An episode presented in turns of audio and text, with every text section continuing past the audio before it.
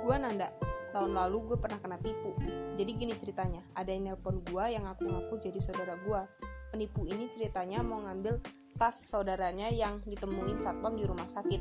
Jadi dia minta tolong gue buat ngaku kalau gue pemilik tas itu. Gue sebutin dah tuh ciri-cirinya. Dan satpam mulai percaya kalau tas itu punya gue. Dan satpam itu cerita kalau Yudi ini mau ngasih uang cash 5 juta dalam bentuk terima kasih tapi satpamnya nggak mau. Tapi dia mau terima kalau yang ngasih itu pemilik tasnya langsung. Nah berarti gue dong yang ngasih.